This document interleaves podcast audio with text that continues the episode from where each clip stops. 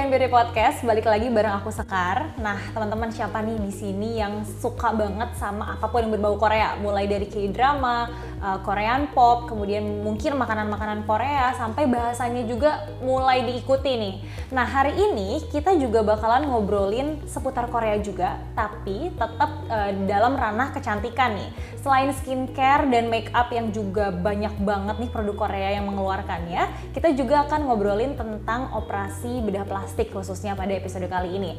Tentu aku nggak sendirian, aku udah bersama dengan Dr. Elrika Safira, salah seorang dokter spesialis bedah plastik, rekonstruksi dan estetik di Plastik Klinik Cabang Bendungan Hilir. Halo Dr. Elrika. Halo Mbak Sekar. Gimana kabarnya hari ini dok? Kabarnya baik. Dr. Elrika baru beres operasi? Betul, baru habis operasi. Jadi mukanya masih agak-agak capek. Maafkan kalau ada kurang-kurang ya. dok, hari ini kita akan ngobrolin tentang Korean beauty trends, terutama okay. dari segi bedah plastiknya nih karena mm -hmm. uh, Korea tuh kelihatannya wah operasi plastiknya tuh ini kenceng banget lah kencang ya. banget gitu kan teman-teman uh, eh, FYI juga nih dokter Alrika juga pernah um, apa ya dok belajar di sana yeah, ya fellowship ya? pernah fellowship boleh nggak mm -hmm. dok diceritain sedikit kayak gimana sih kemarin beberapa berarti udah agak lama sih udah agak lama ya nah udah agak lama Iya, saya sih fellowship di sana. Kita di rumah sakit sih selama hampir kurang lebih satu tahun. Jadi ya ikut muter-muter beberapa profesor di sana dengan berbagai macam bidang ilmunya. Seru sih, seru. seru uh, nah, dari sejak itu juga jadi agak-agak suka mulai uh, yang berbau Korea. Oh, nonton-nonton dramanya gitu ya dok? Iya, jadi sejak mulai ya dari itu sih, dari karena sejak di sana. Terus pas pulang ke sini ada kangen-kangennya juga. sama suasana Korea. Oh oke, okay. berarti dok di sana tuh uh, berapa lama dok tadi satu tahun di sana? Iya, satu, satu tahun, tahun berarti udah cukup familiar juga nih sama bahasanya, budayanya, bahkan sama banyak uh, prosedur-prosedur operasi di sana, maksudnya karakteristik orang-orang yang operasi di sana mm ya dok ya. Mm -hmm. Apa sih dok yang ngebedain Korea dan Indonesia mulai dari pasiennya deh? Pasiennya. Kalau pasien orang Korea tuh lebih spesifik, hmm. udah tahu banget maunya apa, okay. terus udah gitu memang mereka standar kecantikannya ada kayak sebenarnya kita di secara in general bedah plastik pun memang ada patokan kecantikan ya, hmm. ya golden ratio. Tapi untuk yang Korea tuh lebih uh, spesifik. Okay. Uh, eh, mungkin kita nggak terlalu umum juga hmm. yang maunya dahinya tuh agak lebih jenong kalau mereka. Hmm, okay. Kemudian um, kalau yang sudah populer pasti maunya V shape. Hmm. Itu orang-orang sini juga udah, udah pada mulai ikutan. Udah mulai ikutan, mulai ya, ikutan betul. Terus okay. karena mereka lebih karena rasnya kan Asia Timur seperti dengan China dan juga Jepang, jadi ada yang aslinya monolit, tidak okay. punya lipatan mata, jadi apa untuk blefaroplasti untuk kita bikin double eyelid itu populer. Mm, Oke, okay. yeah. berarti beberapa operasi yang populer tadi ada double eyelid, mm -hmm. kemudian yang uh, buat V-shape, dan mereka sampai lumayan yang ini sih mau mencari jalan ekstrim mm. untuk pot, apa potong rahang gitu jadi biar kecil bener-bener oh iya bener-bener bener pernah juga tuh dong aku pernah lihat beritanya hmm. juga tuh tentang hmm. ada salah satu uh, rumah sakit di Korea hmm. yang mereka juga memperlihatkan bentuk-bentuk rahang apa sisa-sisa potongan oh, rahangnya iya. gitu dok itu sebenarnya kalau ngebayangin serem ya dok kayak rahang dipotong hmm. itu bener-bener tapi di Indonesia banyak nggak sih dok orang yang melakukan itu sebetulnya sebenarnya sekarang uh, tidak sebanyak di sana memang hmm. karena tidak seluruh orang di sana karena sebenarnya itu merupakan prosedur yang cukup operasi besar ya okay. tapi kita pun kan dokter bedah plastik sini sebenarnya operasinya cukup mirip dengan kalau misalnya kita banyak pasien yang uh, patah tulang wajah.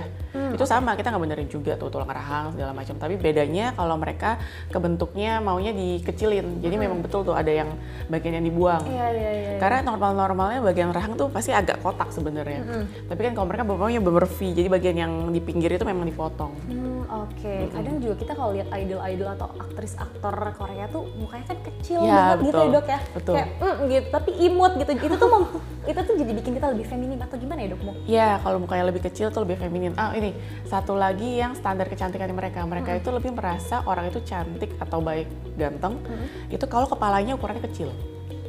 Okay. Jadi rasionya dari satu tinggi badan itu harus kayak eh, satu banding tujuh atau satu banding delapan.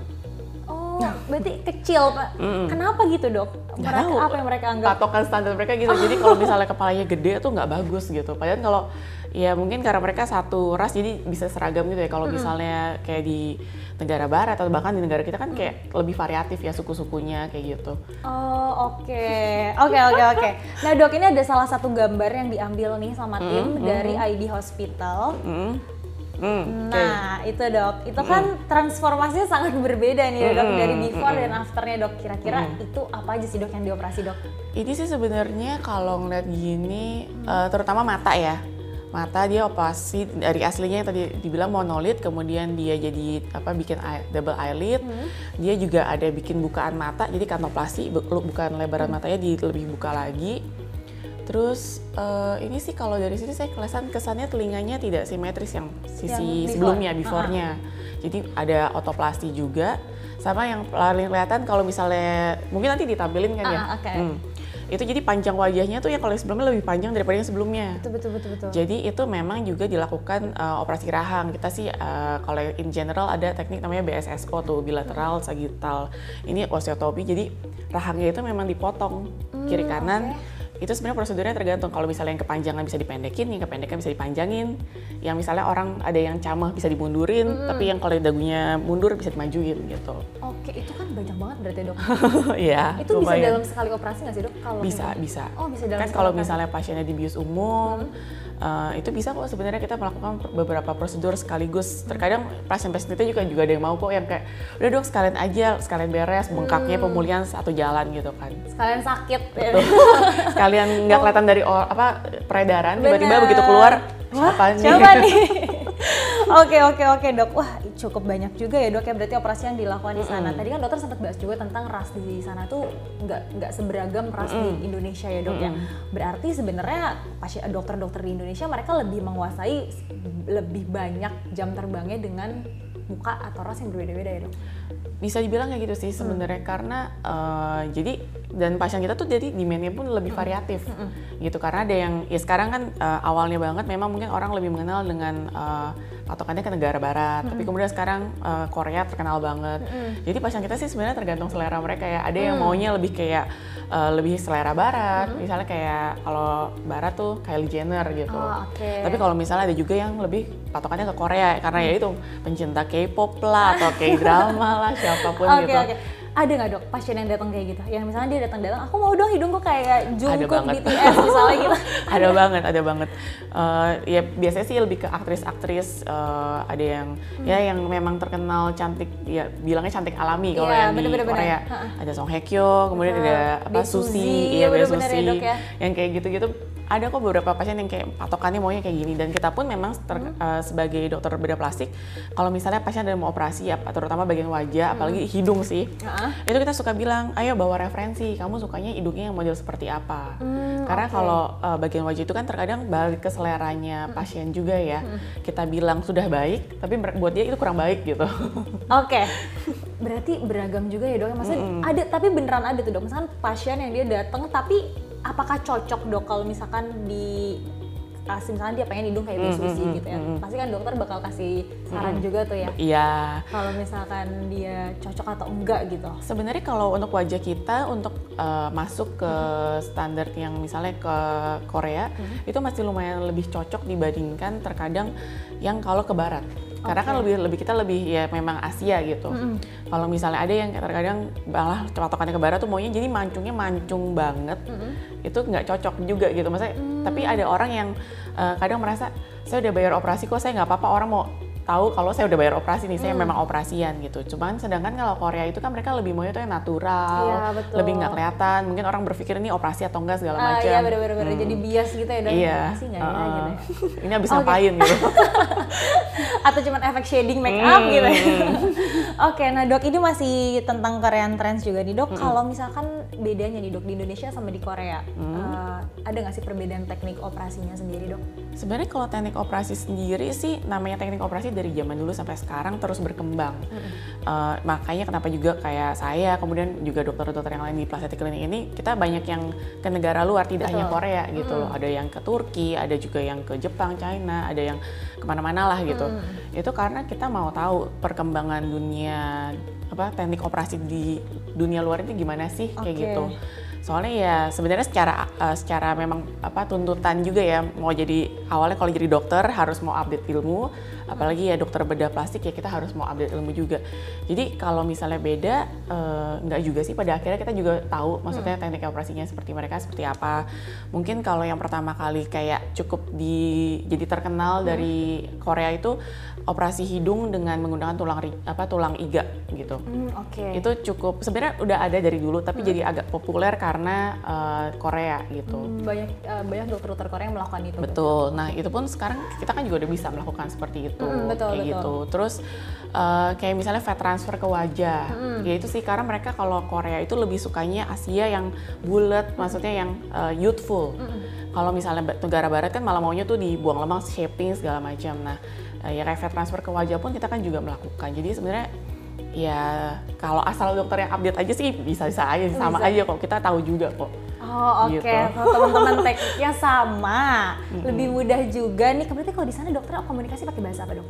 Uh, kalau misalnya saya sih pertamanya datang ini belum bisa bahasanya, cuman hmm. lama-lama karena orang sana kalau yang asli bener asli bukan yang uh, tetangga profesional itu uh, memang nggak terlalu bisa bahasa Inggris, jadi hmm. akhirnya belajar juga sih bahasa Korea. Hmm, Tapi kalau okay. apa ya pasiennya sendiri ya bahasa Korea sih. Bahasa Korea ya kebanyakan. Mm -hmm. Tuh teman-teman tuh tekniknya sama, tapi dokternya pakai bahasa Korea, mendingan di Indonesia aja.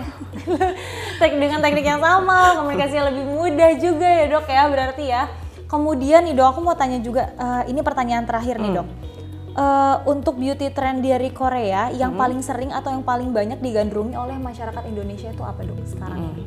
Jadi sama sih kayak yang tadi sebenarnya pada akhirnya uh, masyarakat kita pun juga tetap sebenarnya ada yang suka blefaroplasti bukan hanya untuk sebenarnya kalau masyarakat kita biasanya udah punya hmm. lipatan mata tapi maunya biasanya lebih belok lagi hmm. kayak gitu atau malah blefaroprasi indikasinya untuk uh, pada usia usia tua hmm. jadi untuk yang udah aging kan udah turun hmm. kita bikin lebih uh, kelihatan segar lagi terus juga itu sih sebenarnya yang benar-benar kayak mempengaruhi face shape itu Okay. Orang sekarang mau tirus.